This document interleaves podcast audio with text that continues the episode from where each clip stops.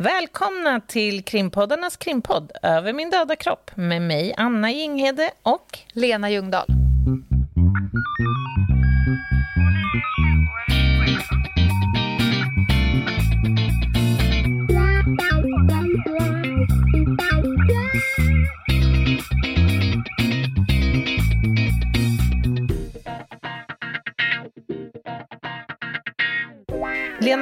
Befinner dig ute till skogs kan jag se. Jag är fortfarande på rull. Du på rull. Jag sitter faktiskt eh, på förarplats i fordonet jag åker i. För det är enda stället jag har täckning. Jag Så jag har micken på ratten. Ja, ja. Och ett glas vin på instrumentbrädan. Jag vill dock påpeka att bilen inte är under rull. Nej, precis. Nej. Det är viktigt. Nej, men det är ju så här att livspusslet och eh, våra... Alltså det, här, det, det faktum att vi inte befinner oss på samma ort, det ställer till det lite för oss. Men vi ser ju till att veva ut ändå två avsnitt varje vecka. Och det har kommit till min kännedom att det här har inte nått ut till alla. Att vi faktiskt släpper två avsnitt varje vecka. Ett Nej. på måndagen, en spaning. Och sen har vi det långa avsnittet på torsdagen. Så att vi får kanske påminna våra lyssnare lite om det här och även be våra lyssnare att sprida ordet till andra som också vill eh, lyssna på Över min döda kropp. Jag missar inte måndagarna för där, är vi också, där har vi tillåtit oss själva att glida lite på sidan av krimgenren. Utan det kan vara någonting vi upplevt, någonting som vi känner att det här behöver vi bringa klarhet i. Man kan säga att vi, vi är högt och lågt. Det Ja, kan vi är säga. Ja, men precis. Och det är ju inte strikt krim då, alltid. Nej. Utan vi, ja, men vi tar lite fenomen på volley kan man Du är väl inte bara säga. tandläkare, du är också mamma ja. och veckans spanare. Eh, och för att det här ska funka på alla sätt och vis så behöver ju maskineriet gå runt. va? Och då har vi nu fått en superduper bra funktion som vi också bör informera om, nämligen Acast supporterfunktion. Det är ju hur bra som helst. Här får lyssnare en möjlighet att supporta sin favoritpodd genom att gå in i Acast-appen och välja över min döda kropp och följa instruktionerna där. Och man kan ju då donera allt ifrån 30 kronor och uppåt, om man vill. Det är absolut inget tvång. Nej, och det finns inget material som ligger dolt som öppnar sig utan alla får allt oavsett om man donerar eller inte. Men vi blir väldigt glada. Ja, så är det ju.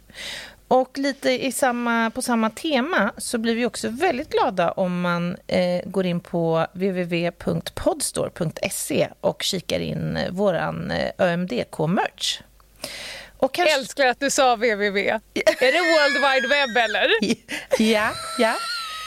Ja, bara så att inte någon går in på någon annan Så det inte blir några missförstånd. Älskar tydligheten. Ja, Please vet continue. Men okej, skit i det där nu. Nej, nej, nej, nej. Ska vi då rikta lite fokus till dagens eh, tema? Vad har Ja. vi på agendan? Idag ska vi ägna hela avsnittet åt våra kära, eh, älskade och hatade och krångliga och bra samarbetspartners, åklagarna och advokaterna. Just det.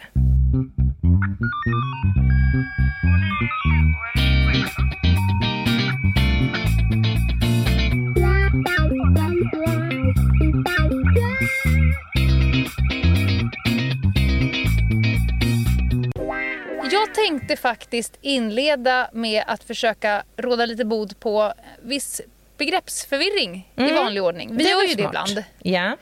Alltså vad är det för skillnad egentligen? Eh, åklagare tror jag att de allra har flesta har, har koll på. Tror de du det? Ju, ja, i alla fall inte att de blandar ihop dem med advokater. Men, men låt gå, vi kör. Åklagaren, den har ju egentligen tre huvuduppgifter och det är ju att utreda brott, Mm. att väcka åtal och att delta i rättegången när det är dags för det, om det blir dags för det. Precis. Och för att bli åklagare, då får man först traggla sig igenom en lång juristutbildning. Och sen så får man ha någon form av tingsmeritering. Mm. Och därefter får man söka för att gå någon form av, jag tror att det kallas för Ja, aspirantprogrammet. sen blir man ju åklagaraspirant, ja. Precis. Exakt. Mm. Så då söker man hos Åklagarmyndigheten. och då blir man först eh, efter utbildning assistentåklagare. För det finns lite olika åklagare. Mm. Men assistentåklagare, det är ungefär som att vara polisassistent. Det är det man blir först. Och sen kan man bli kammaråklagare när man har utbildat sig klart. Ja. Och om man tragglar sig upp på listan så finns det även chefsåklagare, överåklagare. Och så på toppen av alltihopa sitter överstevåfflan Riksåklagaren. Riksåklagaren, ja.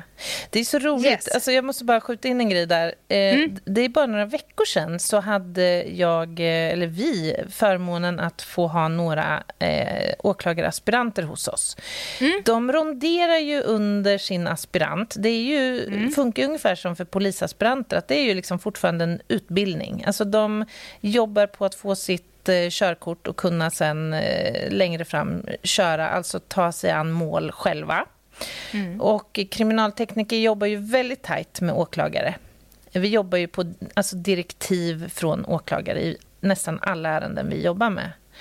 Eh, men det är så roligt att se de här åklagaraspiranterna för de är ju så tidigt liksom i sin... De har ju i princip tagit sin juristexamen och nu mm. börjar liksom färden mot eh, en åklar, ett åklagaryrke. Då. Men när de kommer till polissidan, då händer det något i dem. Mm -hmm. De vill åka radiobil. De vill vara där det händer saker. Trycka på knapparna. Ja, de tycker det är spännande. Kriminaltekniken tycker de är väldigt spännande. Och det mm. slog mig då att om vi skulle ha utbyten fortlöpande Alltså, mm. Nu pratar jag bara för kriminaltekniker och åklagare så att vi mm. får en fördjupad förståelse av varandras sysselsättningar och mål och krav. Då tror jag att vi skulle bli bättre på det vi ägnar win, oss win. åt. Ja, verkligen. Bara en liten ju... utvikning. Ja, och det är ju inte helt ovanligt att jurister och åklagare blir poliser och att poliser blir jurister och åklagare. Nej, det är det ju inte heller.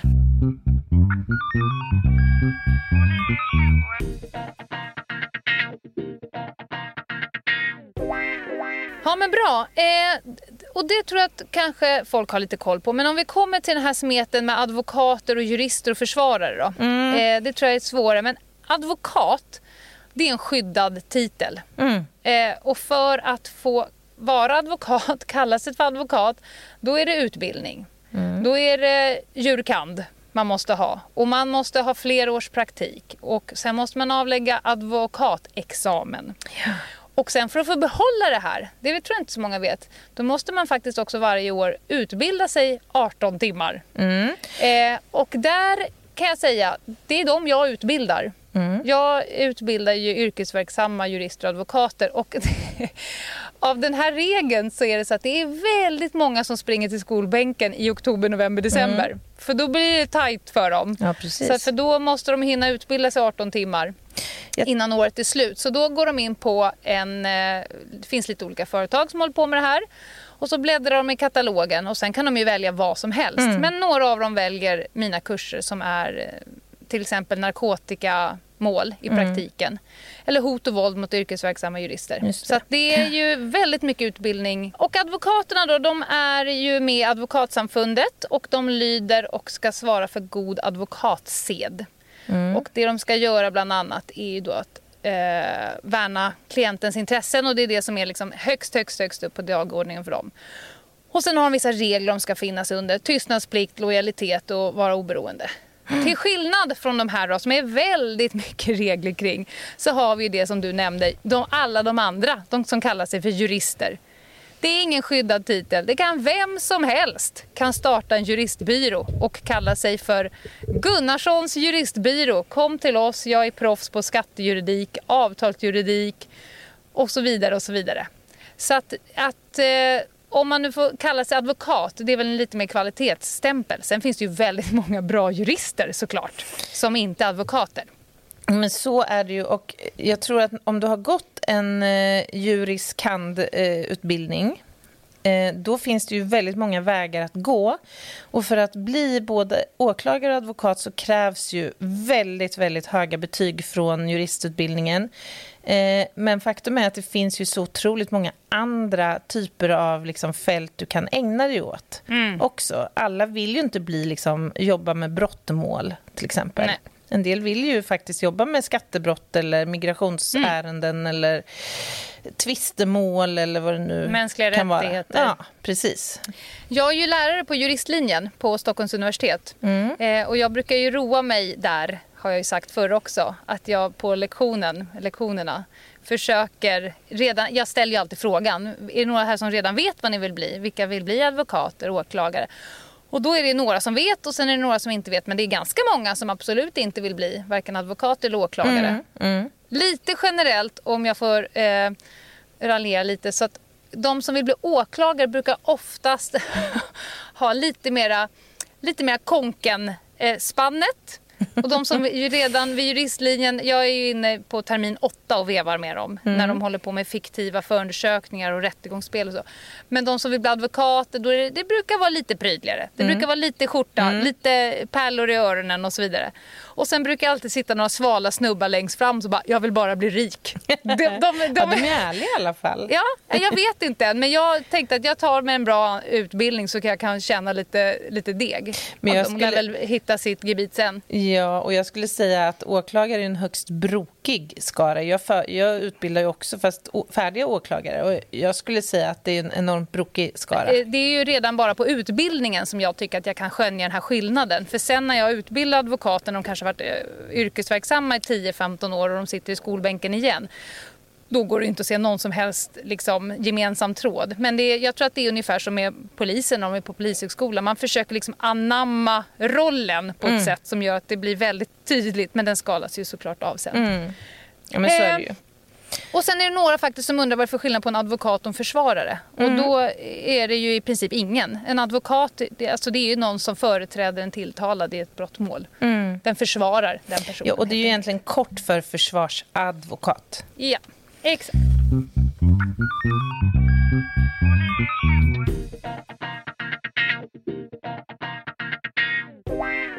Men du, ska vi prata lite grann om offentlig försvarare?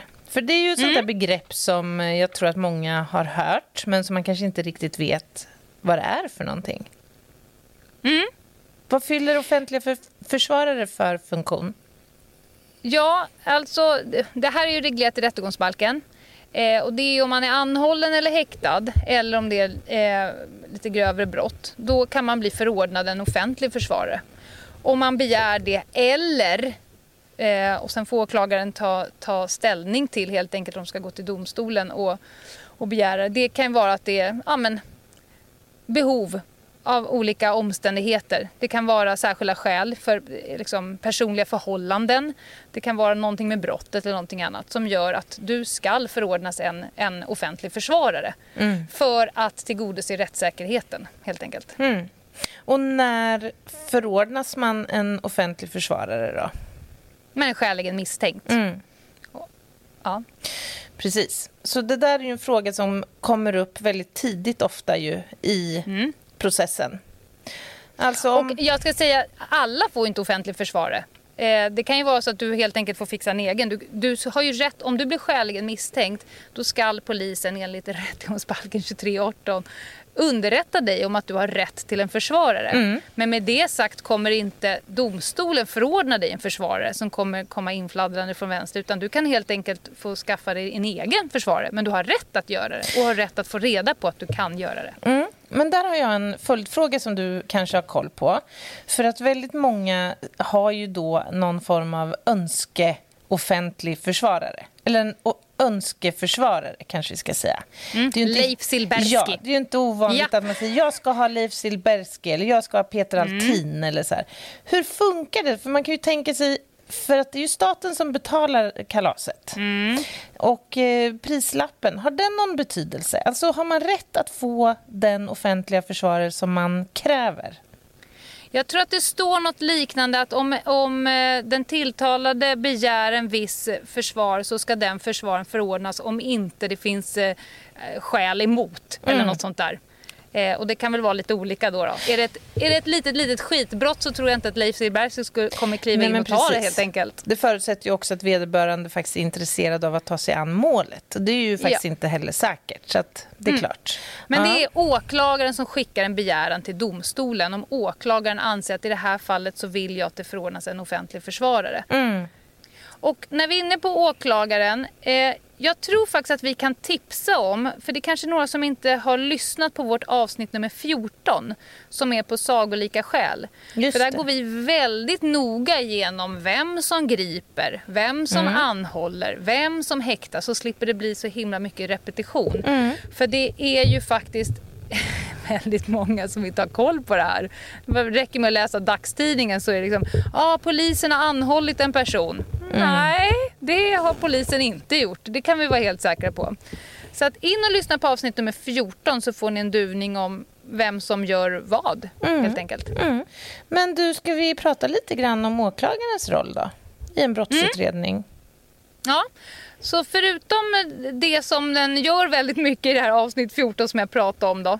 Eh, så åklagaren ska ju leda förundersökningen om det är en åklagarledd förundersökning. Ja. Det finns väldigt många förundersökningar som åklagaren inte blir involverad i förrän långt senare. Om det Precis. är polisen som utreder. Om det till exempel är enkel beskaffenhet eller inte finns någon skäligen misstänkt än. Ja, precis. Och då går det ju ofta till så att brottet utreds fram tills det finns en som är skäligen misstänkt. Och det blir dags för en åklagare att utvärdera utredningen och vad som har samlats in bevismässigt och om det är läge att faktiskt väcka åtal i den aktuella utredningen. Och jag har väldigt många gånger när jag har jobbat som förundersökningsledare när det har kommit så pass långt som man tycker att det ska bedömas. Man skickar in det till åklagaren som kikar på det och sen så eh, kryssar i rutan åter polis. Det vill säga, jag anser att ni har bra koll på läget och att det är så enkel beskaffenhet så att ni kan fortsätta vara förundersökningsledare här. Så kan jag kliva in när det är dags för åtal i så fall. Ja, och för min del som jobbar som kriminaltekniker, vi jobbar ju väldigt tajt med åklagarna. Vi har ju möte i, jag menar alltså i mordutredningar så kan vi ha möte flera gånger i veckan och diskutera liksom vilka åtgärder som bör vidtas. För det är också så här att även om åklagaren ska lämna direktiv när det rör då sådana brott som ska förundersökningsledas av en åklagare så innebär det ju inte att de har full koll i alla delar eftersom de samtidigt jobbar med kanske tio olika ärenden. Så att det här är superviktigt alltså att man har ett tajt samarbete och faktiskt att vi briefar åklagaren om vad som är möjligt att göra, vad vi hittills har gjort och vad vi ser ur vårt perspektiv som nödvändiga och bra åtgärder. Och vice versa. Liksom. Åklagaren kan ju ha- ha en annan bild av hur man ska nå fram till att visa att en person faktiskt har begått en viss gärning. Mm. Ja, och även om ärendet blir åklagarlett, som där jag jobbade på span, vi hade ju bara åklagarledda ärenden, så finns det ju en polisiär utredningschef som sitter på den heliga graalen av all information.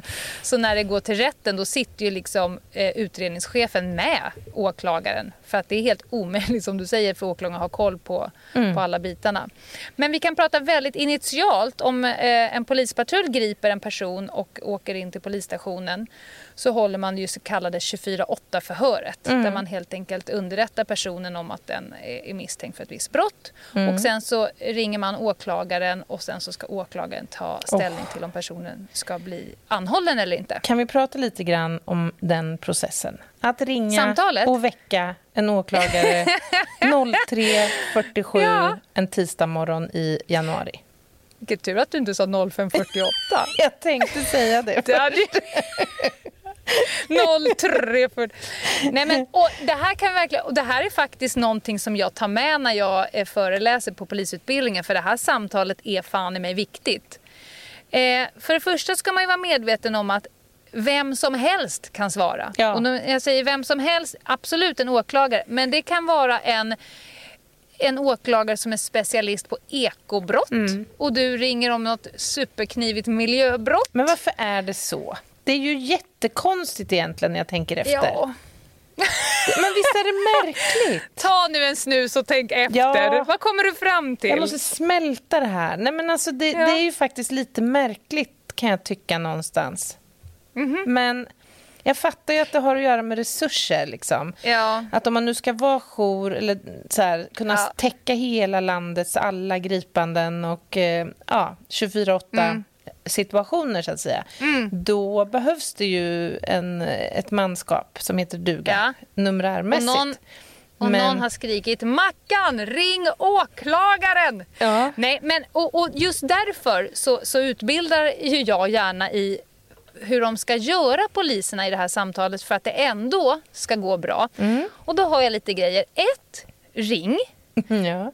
Det är en bra början. Ja. Två, säg vem du är och vad du vill. Och därefter chilla. Låt nu hen vakna. Typ så här, gå och ta en kaffe, hämta lagboken, låt dem vara. För tänk att du kan gå från djupaste REM-sömnen till att någon jävel bara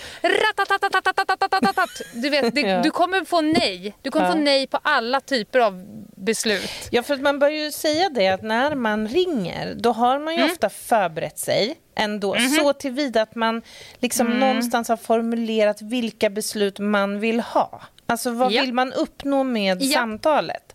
Så det mm. där tycker jag låter som ett utomordentligt bra tips. Ja, och var då väldigt tydlig. Försök inte tänka så att jag ska inte eh, trampa på några ömma tassar här. Utan jag heter och jag ringer dig för att jag vill ha beslut om en husrannsakan i en fastighet. Det, det kan man säga rakt ut.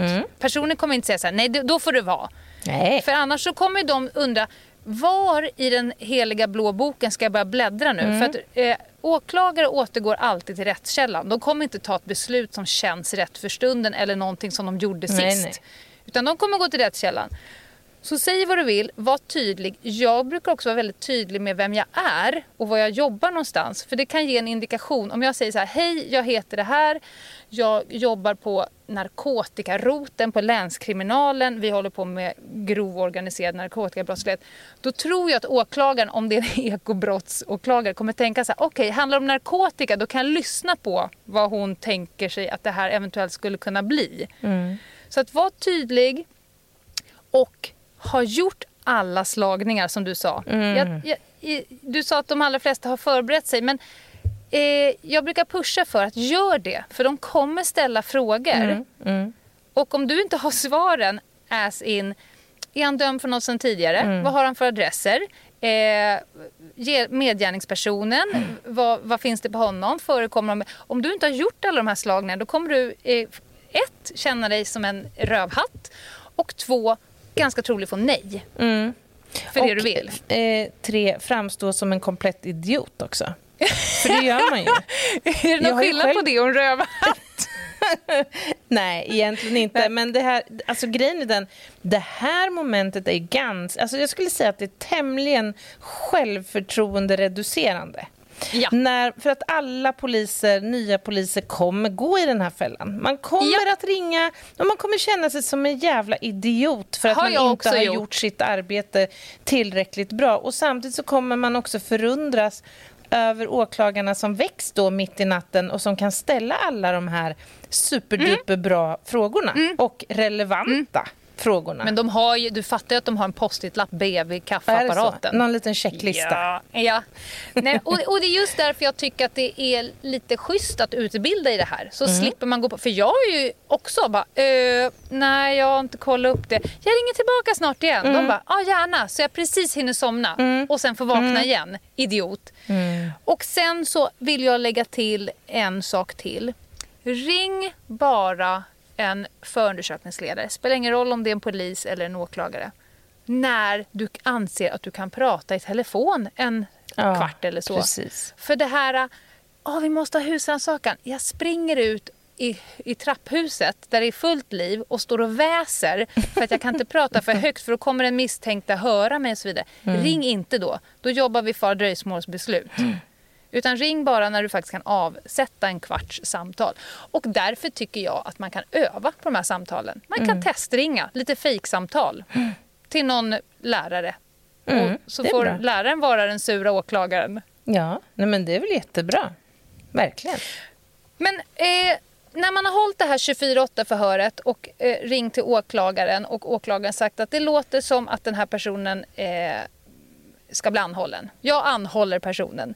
Då brukar åklagaren säga då kör vi tre vänster, tre höger på honom. Mm. Eh, det vet inte nya poliser vad det är. Nej, då Så då pratar vi eh, restriktioner. Då pratar vi restriktioner.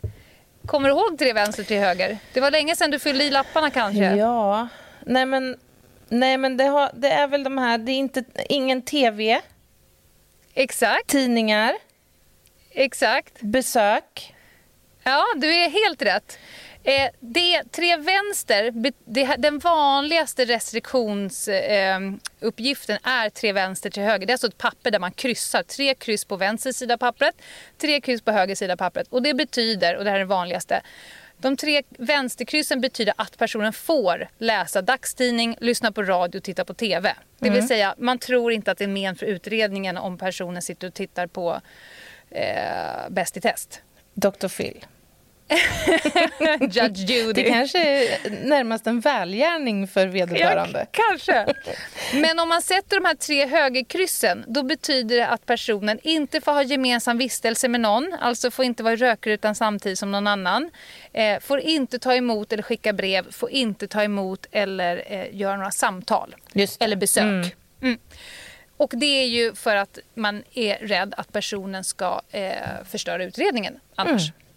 Så och det är åklagaren som beslutar det. Mm. Så när man säger att man sitter med fulla restriktioner då, Då är- det så många rutor ikryssade på det där pappret. Då får man titta in i väggen. Ja.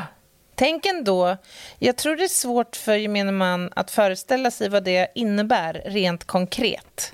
Att gå från Mm. den ena dagen med full frihet att prata med vem du vill, att ringa, att kolla ditt Facebookflöde, att gå på toaletten när du vill, att hämta dagstidningen i brevlådan och allt vad det nu kan innebära till att faktiskt begränsas fysiskt till ett litet, litet utrymme rent fysiskt. I iförd kläder som du inte får välja och sen då addera de här restriktionerna. Eh, jag tror att det är svårt att föreställa sig vad det gör med den. Men man ska ha klart för sig att det här är, det är faktiskt en stor omställning för människor och många mår ju väldigt, väldigt dåligt Ja. av det här. Jag kan återkoppla till caset som jag pratade om förra torsdagen, det här stora kokainärendet. För de satt ju väldigt länge med tanke på att det var en väldigt stor utredning. Och då är det så att den enda gången som den, de nästan pratar med någon och får liksom lämna cellen, det är ju på förhörssituationerna. Så det det. blir en väldigt konstig situation. Man går och hämtar dem, man kommer upp, kanske bjuder dem på en kopp kaffe.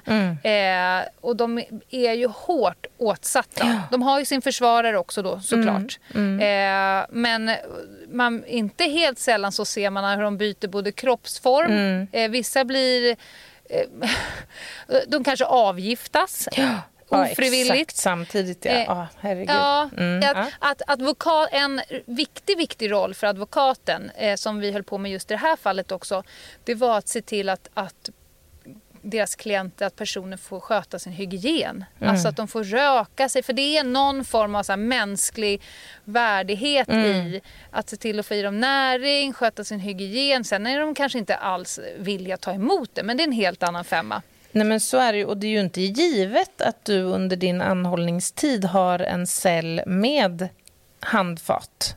Och Nej. alltså så. Det finns ju olika begränsningar även där.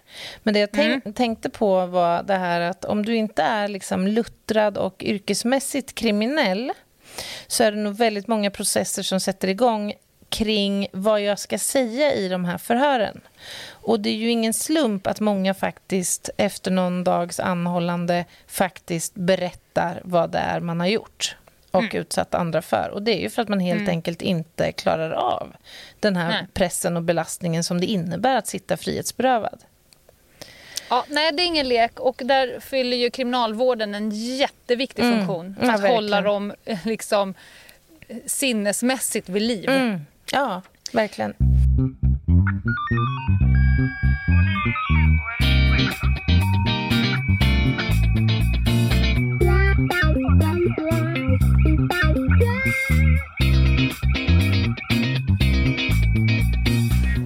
Klara med åklagarna så kanske vi kan kliva över lite på advokatens roll. För de är ju, nu har vi varit inne på den, de är ju extremt viktiga. Jag hittade en sån hi- himla fin harang. Eh, faktiskt står i lag, i paragraf.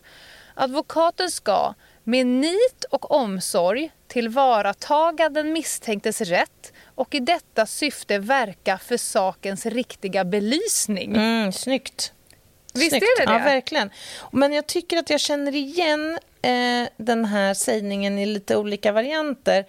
Till exempel när försvarsadvokater får frågan, inte så sällan, kring hur det är att företräda en person som har begått väldigt, väldigt hemska handlingar. Mm. Då brukar standardsvaret vara att min uppgift är inte att lägga värdering i den här människans eh, gärning eh, utan att försvara den personens intressen. Mm. Jag tycker det ja. säger mycket. Jag, jag måste ju själv eh, erkänna att jag har funderat över det ganska många gånger. Hur skulle det vara att företräda eh, barnamördare mm. och så vidare? Det måste ju ske ganska mycket Alltså inte mot klienten men hemma på kammaren mm. så skulle jag ha ganska mycket etiska och moraliska eh, diskussioner mm. med mig mm. själv. Och förmodligen alltid komma fram till att jag är en del av rättsapparaten och jag ska se till klientens intresse. Men jag vet inte fan alltså om jag hade klarat det. Nej, och ju, alltså, de här exemplen omskrivs i olika sammanhang. Ett annat är ju det här de kvinnliga försvarsadvokaterna som eh, ombeds att företräda män som har våldtagit till ja. exempel. Alltså Samma det är ju sak. otroligt många processer mm. som ska mm. gås igenom, tänker jag. Och där handlar det nog liksom om hur lätt Alltså, vad ska jag säga? Det handlar ju om att vara professionell alldeles oavsett gärningen. Mm såklart. Och göra skillnad mm. på min uppgift som advokat för den här personen och den, den här, min klients eh, agerande och, mm. och gärningar. Men alltså, det är klart att det måste sätta igång väldigt många tankeprocesser. Ja. Såklart. Ja. Eh, ja, men advokaten då, den ska ju, från att den personen tilltalad har blivit skäligen misstänkt så ska ju försvararen eh, få ta del fortlöpande av utredningen tillsammans med klienten så att de har insyn. Det är en del i rättsapparaten i Sverige. Mm. Att, det, att man ska få ta del och man ska få vara med och kanske komma med egna utredningsförslag. Jag tycker att ni ska förhöra den här personen. Eh, däremot så skulle jag vilja prata lite om advokaten i förhörssituation. Mm. För det är lite färgat av film och tv tycker jag. Inte advokaterna. De har full koll på vad de får göra in i förhörsrummet och mm. när de får mm. göra och vem det är som bestämmer. Och rent krasst så är det utredningschefen som bestämmer mm. när advokaten eventuellt ska få ställa sina frågor. Men eh, de tilltalade som misstänkta tror jag kanske har fått sin eh, kunskapsgrund lite för mycket för film. Mm. För de tror att det ska vara någon form av huggsexa där inne om vem som ska ställa frågor och vägra och så vidare. Mm. Det är ju mm. faktiskt, när jag gick förundersökningsledarutbildningen, en av de intressantaste lektionerna tycker jag själv, det var när det var en, en advokat som kom och hade en lektion som beskrev för oss väldigt vänligt sådär att vi advokater, vi vet vad vi får och inte får göra i mm. rummet.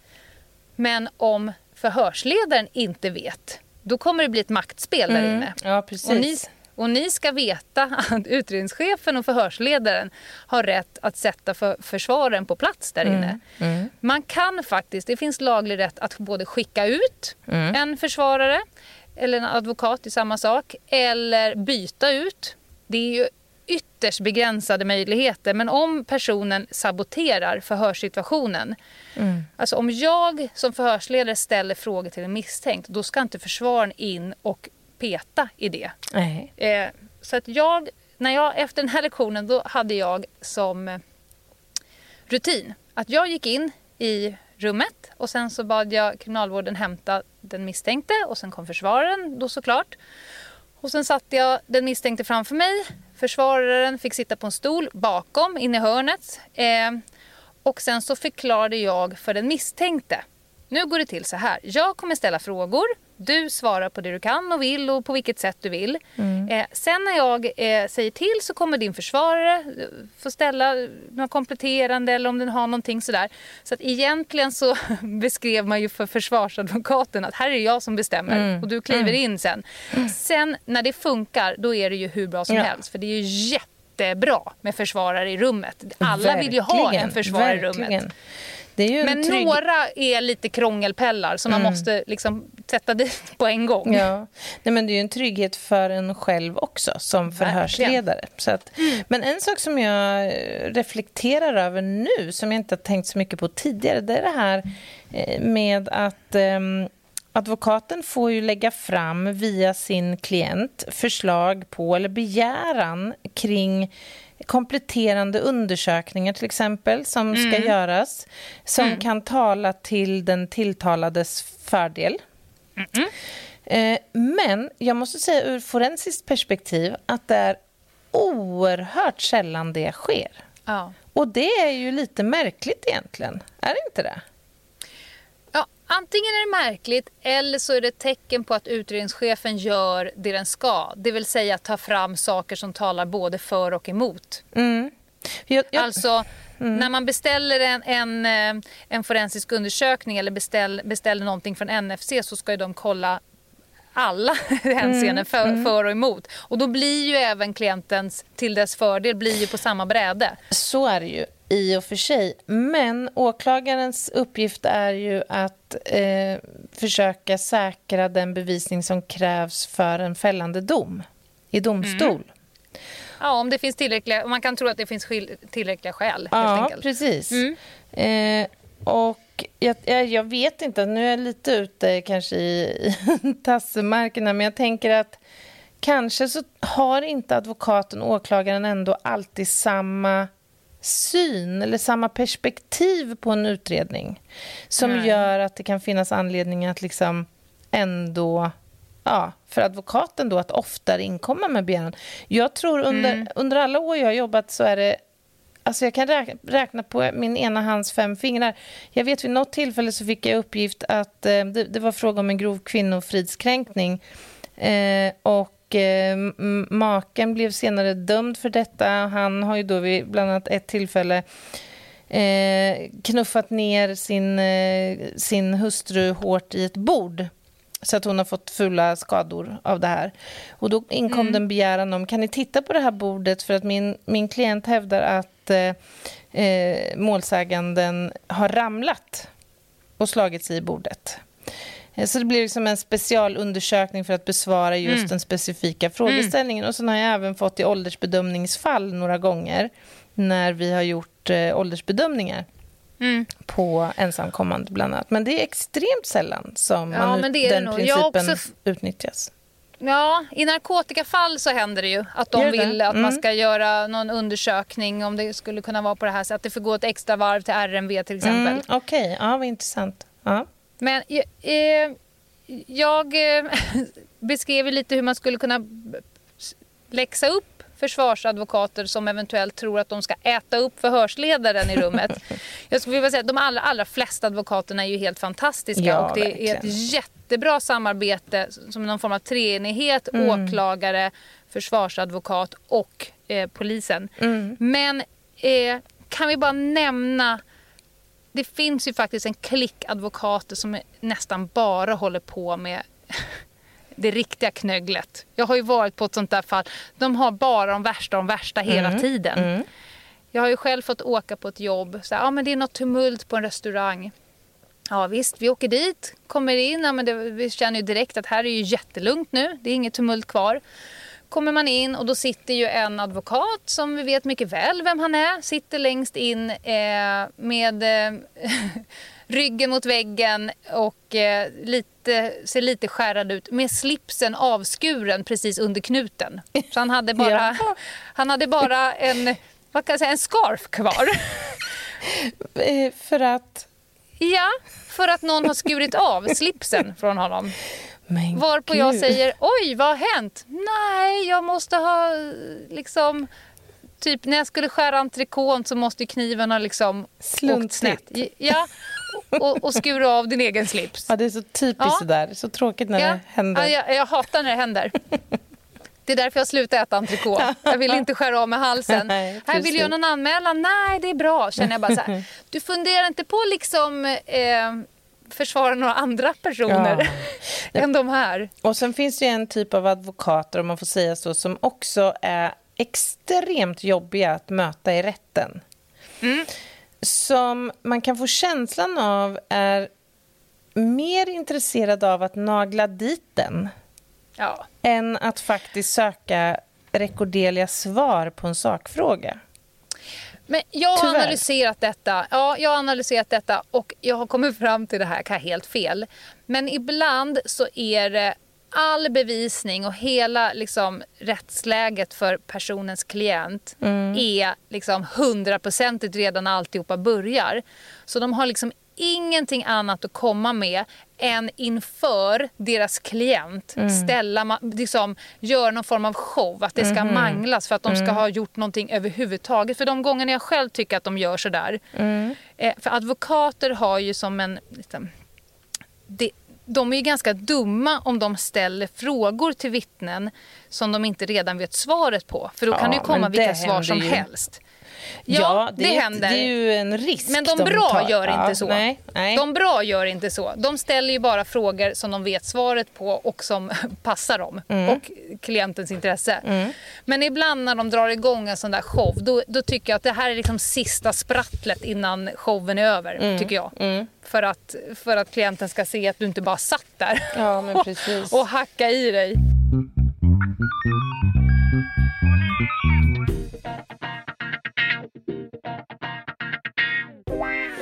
Mm. Okej, vad har vi mer på um, temat? Jag har, fast jag vet inte om jag har dragit det, det får vi kolla sen. Men, men jag har ju en sån där situation där, där jag faktiskt var tvungen att säga till personen lite subtilt i förhörssituation. Eh, min hatadvokat, han var alltid jobbig. Alltså, min erfarenhet är att men alla är supertrevliga, det är, man är där av en gemensam sak. Några ska eh, liksom, titta på klientens intresse och polisen ska ställa sina frågor och alltihopa ska bli någon form av åtal till slut. Men det var en eh, hal fisk som alltid försökte eh, ja, men ta över, ja, men helt enkelt makta ut förhörsledaren. Gärna om det var en ung tjej. Det var liksom det sämsta. Och det här, jag hade blivit lite förvarnad eh, men blev ändå lite tagen på sängen av enormt hur fräckt det var. För då var det nämligen mitt, mitt under ett förhör när jag sa någon, någon fråga som det började liksom närma sig kärnan för den misstänkte. Då säger den här personen, eh, advokaten, så här. Ja, det verkar som att poliser börjar tjäna lite bättre nu för tiden. Jaha, tittar jag bak i hörnet, för jag hade satt honom på en stol där bak i hörnet. Jaha, vad menar du? Ja, det ser ut som att du har en väldigt dyr klocka. Alltså i min värld så tjänar inte poliser sådär mycket. Men gud vad provokativt. Väldigt. Varpå, du vet man kan ju köra konceptförhör eller dialogförhör. Och konceptförhör är att man ställer massa frågor och sen skriver i princip en sammanfattning. Dialogförhör det brukar man ta när det är väldigt tajt för då är det liksom fråga, svar, fråga, svar. Då är det varenda litet hummande och Ordagrant brummande ska med. återgivet. Ja. Mm. Så att jag sa bara att förhörsledaren kliver över dialogförhör. Och så skriver jag. Eh, Försvarsadvokat mhm, mhm, frågar förhörsledaren om polisen har börjat tjäna... Så liksom dikterade jag så. Ja. Och så skrev jag eh, förhörsledaren svarar. Dut, dut, dut. Försvarsadvokaten frågar. Och så tittar jag upp så här. Har du några fler fr- frågor? Nej, jag har inga fler frågor. Nej, jag tänkte väl det. Tänkte jag. Nu håller Vad du käft. snyggt. För det där är ju, Ja, men- det ingår ju då som en del i förhöret. Jag menar, om inte förhöret är avslutat och godkänt enligt Nej, nej, konstens det alla regler, då är det ju fortfarande förhör. Och då ska ju det där faktiskt, det ska in i förhöret. Jajamän, det låg i utskriften rakt in i fuppen. För att eh, så gör man inte. Och det där kan man ju tänka då, om man ska återgå till det här med god advokatsed. Det är ju så att Mm. det görs ett antal anmälningar varje år till Mm. Advokatsamfundet faktiskt, som rör just det här. Så att eh, advokater är väl medvetna om vad de har för Mm. ramar att hålla sig inom och vad som är etiskt och moraliskt korrekt eh, och inte. Mm. Ha. Jaha, det var åklagare och advokater. Jag tror att, jag tänkte faktiskt göra reklam för jag tror att vi ska ha ett helt eget avsnitt om allt roligt som sker i rättegången. Ja. För det är ju ett skådespel av rang. Verkligen. Och jag tänker så att många har ju sett rättegångsfilmer till exempel. Mm. Till exempel, vad, vad säger de i amerikanska rättegångsfilmer om man vill lägga in en liten protest? Objection your honor! Ja, precis. Och domaren svarar? overruled. Eller? Då säger ja. man, vad säger de annars? Om den inte blir overruled, då är det sustained. Nej, vad säger de? Ja, vad säger de? Jag kan bara overruled. Ja, vi får kolla upp det där.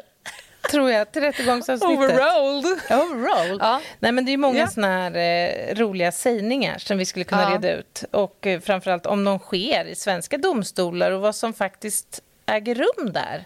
För att jag tror att det är lite mystifierat för många. Många har ju aldrig varit också- i en domstol och, Nej. eller under en rättegång. Jag har fått många sådär, du vet, kompisar som ska in och antingen vittna eller vara målsägande eller något sånt där, som är skitnervösa. Och det kan man knappt förstå. Men det är ju bara att göra med att man bara har malt ner alltihopa.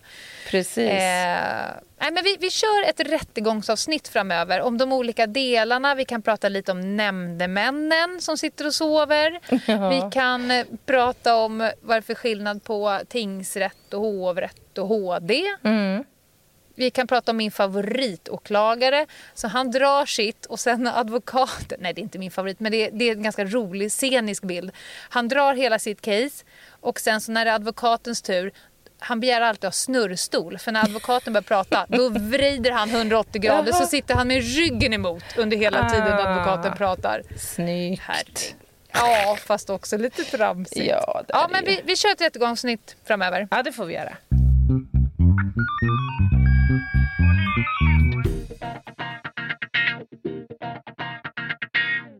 Ja.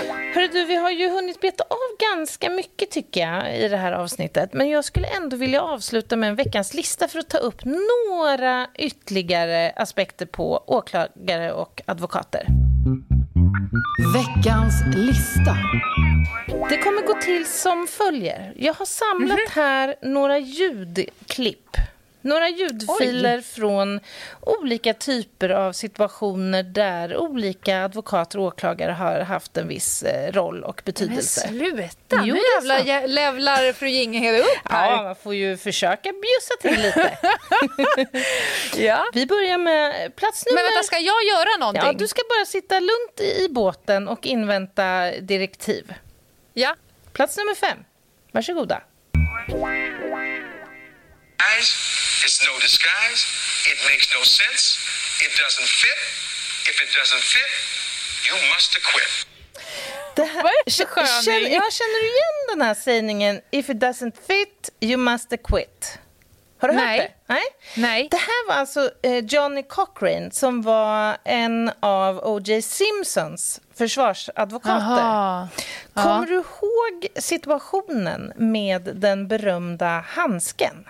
Handsksituationen. Man har Ja, alltså vagt. Ja, man har alltså Ja. anträffat då handskar som har inhandlats, har man kunnat visa, av Nicole Simpson, alltså ett Ja. av offren för gärningen, som man nu påstår att eh, O.J. Simpson har burit vid tidpunkten för brottet. Mm. Och han visar nu i, inför sittande rätt att handsken är ju på tok för liten. Och då ska vi tillägga att det här var då en handske i storlek XL. Men på det mest teatraliska vis så visar O.J. Simpson att det går inte att få den på handen, handsken. och i då slutpläderingen så hävdar Johnny Cochrane if it doesn't fit you must acquit. Alltså om den inte passar Ja. då måste vi fria från brottet. Och då kan man fundera, funkar det så? Kan det verkligen bli avgörande eh, på en liksom punkt att om det här inte passar in i historien, då måste vi fria den tilltalade? Eh, nej, man, vi får väl åberopa någon form av samlad bedömning även här. Men jag Ja. älskar, de är ju så jävla, alltså amerikanarna är så jävla amerikanska. Ja, det Ja. får man säga. Ja. Men, och man kan väl säga så här också, att man kan liksom inte luta eh, en hel liksom, utredning där två människor har mördats i berått mod, eh, så kan inte allt lutas mot en handske, som i det här fallet. Utan Nej. eh, varenda helst eh, sekvens i gärningsbeskrivningen ska kunna styrkas eller bevisas på ett eller annat sätt. Okej, är du redo för eh, plats nummer fyra? Yes. Då kommer den här. Jessup, did you order the code red? You don't have to answer that question. I'll answer the question. You You want answers? I think I'm entitled. You want answers? I want the truth. You can't handle the truth. Är det här något du känner igen? Ja, you can't handle the truth. Den, Ja, kom jag, precis. den känner jag igen. Det här är alltså då filmen Heder och samvete, eller Few Good Men, som den heter på engelska. Det är Tom Cruise. Han är ju då försvarsadvokat. Eh, flottans försvarsadvokat. Och han eh, håller nu på att korsförhöra den tilltalade eh, Jack Nicholson. Som är befäl i någon sån här Marines eh, liksom, kompani. Det handlar ju om en person som har mördats. Eh, en marinkårssoldat. De pratar om sanningen här. Eh, är det sanningen... Får man fram sanningen i, vid en rättegång, Lena? Eh, nej. Nej, jag hävdar detsamma. nej, det skulle jag vilja hävda. Hmm. Men, men man kommer fram till så pass mycket bevis att det är ställt utom allt rimligt tvivel. That's Bra it. svar. Good answer, your honor. Thank you, Plats nummer OJ.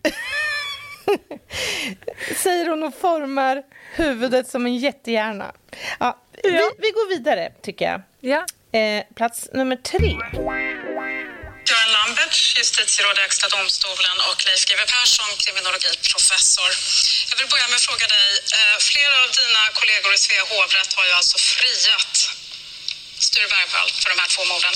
Varför är det viktigt för dig att ge dig in i den här debatten igen? Det är viktigt för det finns ett par rejäla missuppfattningar. Eh, man drar felaktiga slutsatser. En felaktig slutsats är att det här betyder att han är oskyldig. Han har absolut inte gjort någonting. Att det är fastslaget att han är oskyldig. Och så är det inte. Det vet alla som, som kan det här med brottmål att eh, det är en ganska stor skillnad mellan att vara förklarad oskyldig och att inte vara förklarad skyldig. Den andra Hörde du Leifs suck Ja. på slutet? Han är på att somna i sändning. ja. Eh, vad säger du, Lena? Eh, är det så att eh, mördare bedöms oskyldiga i, i svenska domstolar? Mm, nej.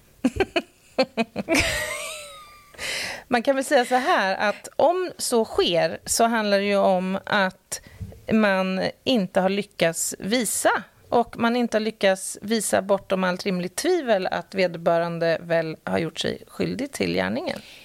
Ja, alltså, det finns ju väldigt många människor som har blivit friade i rätten eh, som eh, är skyldiga egentligen, men att man inte har lyckats bevisa det. Men däremot så ska de ju anses oskyldiga. Alltså är du friad i, i de instanser du har varit i så kan man inte åberopa att du egentligen är skyldig. Sen så finns ju liksom det eviga samhällets stora skulddomstol. Ja, och, och Lambert han gör ju tvärtom här.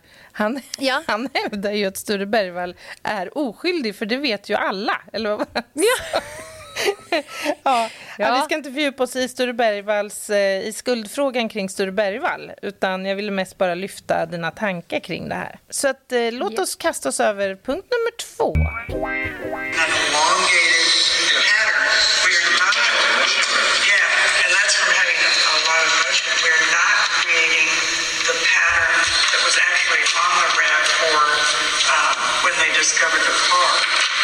not,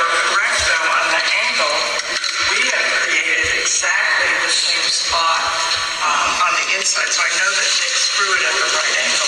Det här, jag förstår att det är jättesvårt kanske att få en bild av vad det är man hör här eftersom jag inte outade innan vem det är man hör. Men det här är alltså Kathleen Sellner, Stephen Averys advokat. Har du talas om Stephen Avery-caset i USA? Jag har sett eh, dokumentären och fick så jävligt ont i magen. Ja, den är ju obehaglig på många sätt. Han, Stephen Avery har ju alltså först avtjänat 18 år för, jag tror att det var sexualbrott, möjligen en våldtäkt och eh, mordförsök. Och när man senare hittade, efter 18 år hittade en DNA-profil som kunde analyseras så kunde man visa att det var inte Stephen Avery, Avery som hade gjort sig skyldig till det här. Och sen en kort tid efter att han har frisläppts så blir han alltså på nytt misstänkt för brott och den här gången ett mord på en en ung kvinna och eh, under väldigt tvivelaktiga former, om du frågar mig, så döms han för det här, den här gärningen. Men han har ju lärt sig läxan här nu. Han har skaffat sig ett gäng, eh, eller i alla fall en eh, hardcore försvarsadvokat, nämligen då Kathleen Sellner. Och i det här klippet som jag nu spelar upp ljudet till så gör då Kathleen iförd skinnjacka, handskar, högklackat och någon liten skinnbralla tror jag bestämt hon har på sig. En egen brottsplatsundersökning av en bil eh, som då polisens tekniker har undersökt och gjort blodbildsanalys eh, av. Nu gör ja. hon en alldeles egen, hemma liksom producerad, eh, dokumenterad då brottsplatsundersökning medelst eh, blodbildsanalys på, på ett sätt som jag tror att... Fan vad älskvärt att hon är så bred i sin kompetens. Eller hur? Alltså hon gör också det här på ett sätt som jag tror att varje sjuåring i hela världen skulle eh, tycka vore kul att få, få pröva. Med ett sånt där lite trollerikit ja. som de har köpt. Det är lite mm. den känslan man får. Och det är lite synd tycker jag, för att hon är ju, jag tycker hon är supercool. Men för mig så innebär det här en förtroendekris lite grann. Därför att mm. för mig är inte det här seriöst. Är advokater ute och sprattlar runt på brottsplatser och gör egna liksom, hemmaexperiment för att försöka visa sin klients oskuld? Ja men alltså ibland skulle jag säga. Mm. Jag, kan få, jag har fått såna idiotiska saker i i rätten av advokater. Så här, ja Lena, du eh, har i ditt span-PM här så har du gått en sträcka här på en och en halv minut och jag har minsann själv varit där och provgått den här sträckan och det tar tre minuter. Aha. Ja, men det är för att du väger 400 kilo mer än mig till att börja ja, med. Ja. Och du hade lågskor och gabardängbyxa. Alltså, eh, och nu, ingen som helst fat-shaming men ibland så blir det så här vad ska du dit och göra ja. dina egna tekniska undersökningar för? Be någon mm. med kompetens att göra, inte jag eftersom då jag var helt fel person, men någon annan. Exakt, för det är ju det, det där som blir så för himla förbryllande. Alltså om man nu har möjligheten att faktiskt tillgodose att det görs en undersökning enligt konstens alla regler för att alla som jobbar i rättsväsendet såväl i Sverige som i USA har ju att tillvarata ja. även den tilltalades intressen.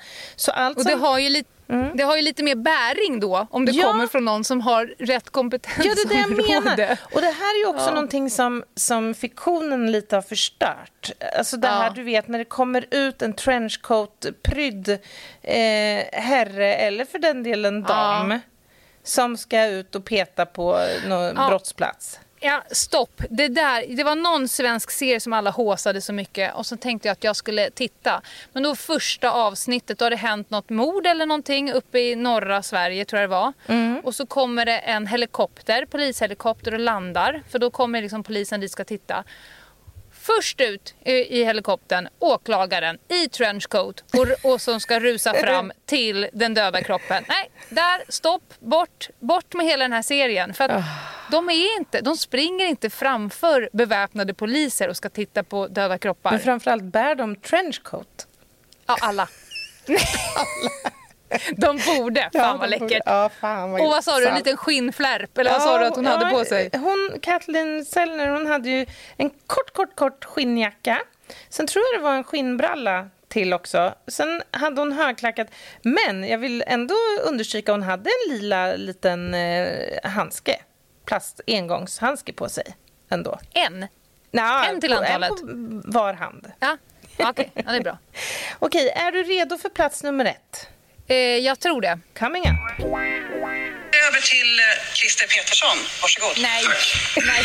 God morgon. Eh, nu kommer vi att visa ett bildspel och även Hans Melander kommer att redogöra för delar av utredningen. Eh, efter dådet så anträffades det ju två stycken kulor på Sveavägen. Första anträffades 1 mars på FBI i USA. De är dessutom demolerade beroende på att de högst sannolikt har gått i gatan. Däremot så råder det ingen tvekan om att det är de kulorna utan det är rätt kulor som, som är anträffade. Tyvärr. Och med det så lämnar jag åter ordet till Petersson.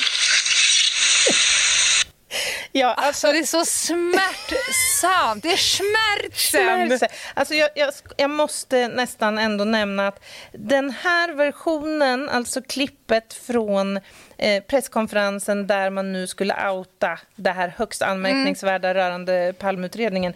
Det är ett eh, ihopklipp av Skrällendellen som bäst gör sig med tillhörande bilder. Eh, hur de här kulorna då som påträffades såg ut, varav den ena hade drämt i gatan, eller vad sa Hasse Melander? Men poängen här är Ja. ändå att jag undrar, eh, är det möjligen så att man under eh, juristutbildningen och den senare vägen fram till att bli åklagare slash polisiär förundersökningsledare skulle kunna tänka sig att man får någon liten, liten gnutta mediaträning eh, slash så här gör du din powerpoint utan att använda fler än sju typsnitt? Nej, man får nog bara reda på animera skiten ur den här powerpointen. Tryck på alla knappar Ja, du jag, kan. Jag tänker att det är så oerhört Saker ska flyga in från höger och vänster, ska fläddra ut i små såna här prismor. Ja, ja, men jag tänker att det är så oerhört centralt liksom, i sin sak, att man i sin sakframställan och alla de här momenten inför, alltså i, eh, vid en rättegång till exempel då, eh, kan, eller presskonferens som i det här fallet, kan visa tydligt vad man har, eh, vad man vill lägga fram liksom, som centralt och viktigt. Ja. Men det här Och var ju det- smärtsamt på det här Ja, sättet. det är smärtsamt. Och jag skulle säga att polisen nu för tiden använder sig av faktiskt mediebyråer för att få hjälp. Eh, det här kokainärendet som jag tog, eller förra torsdagen. Eh, åklagaren, det tog åklagaren, jag tror att det var två hela dagar. Att bara gå igenom ärendet. För vi pratade ju så jävla många telefoner och identitet och så vidare. Och då hade ju vi fått hjälp med att sätta ihop det här för det går inte att beskriva. För du ska tänka att nu har några jobbat med någonting kanske 6, 8, 12 månader och sen ska du upp i rätten och sen har du, jag har inte sett något, du har inte hört något, du vet inte vad de pratar om. Och sen utifrån det du ser så ska du döma personen till 14 års fängelse kanske. Så att, ja, det, jag skulle säga att det är en rättssäkerhetsfråga att Ja. eh, att se till att ärendet beskrivs bra. Nu var ju inte det här i rätten som vi lyssnade Nej. på nu. Men med lite medieträning och lite... Ja, men också så här, så här använder du en pekare kursen 1A. Liksom, byt bild på din presentation så här på enklaste sätt. Det var ju ett fibblande med denna fjärrkontroll alltså. Och jag tänker att nu är det då två personer som har jobbat i en utredning liksom länge som rimligen, tänker jag mig, veckan före detta eh, liksom denna annonsering kanske har pratat med varandra på telefon och så här Ja, det Vad här ska med du ha på dig? presentationen. Hur tänker vi där? Liksom? Nej, jag vet inte. Hur ska vi bäst placera oss för att det ska bli penisen bakom Ja. våra huvuden?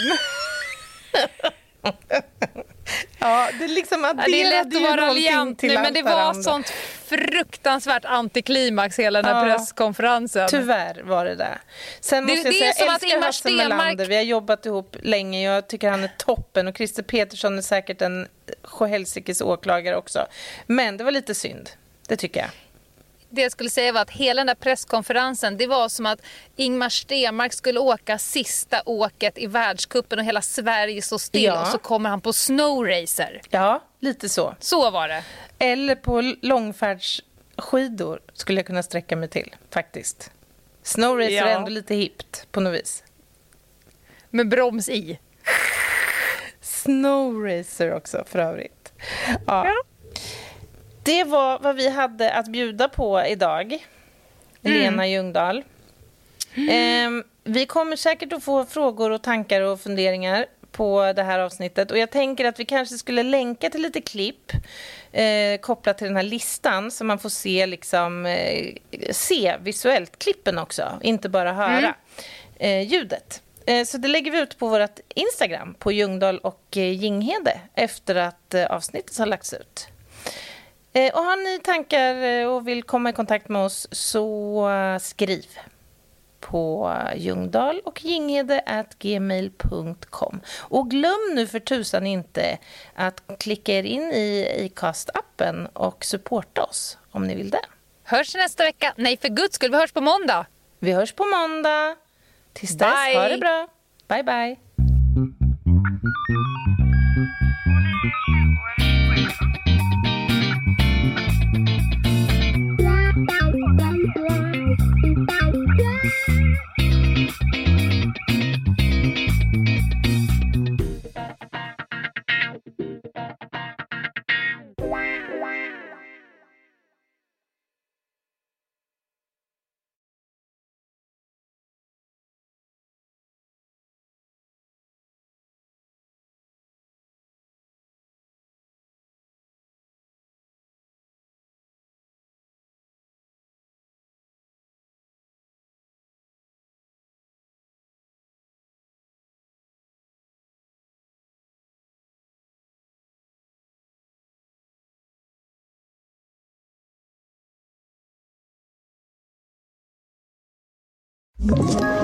Ett poddtips från Podplay. I podden Något Kaiko garanterar östgötarna Brutti och jag, Davva, dig en stor dos skratt. Där följer jag pladask för köttätandet igen. Man är lite som en jävla vampyr. Man har fått lite blodsmak och då måste man ha mer. Udda spaningar, fängslande anekdoter och en och annan arg rant. Jag måste ha mitt kaffe på morgonen för annars är jag ingen trevlig människa. Då är du ingen trevlig människa, punkt. Något Kaiko, hör du på Podplay. Därför är gardinerna.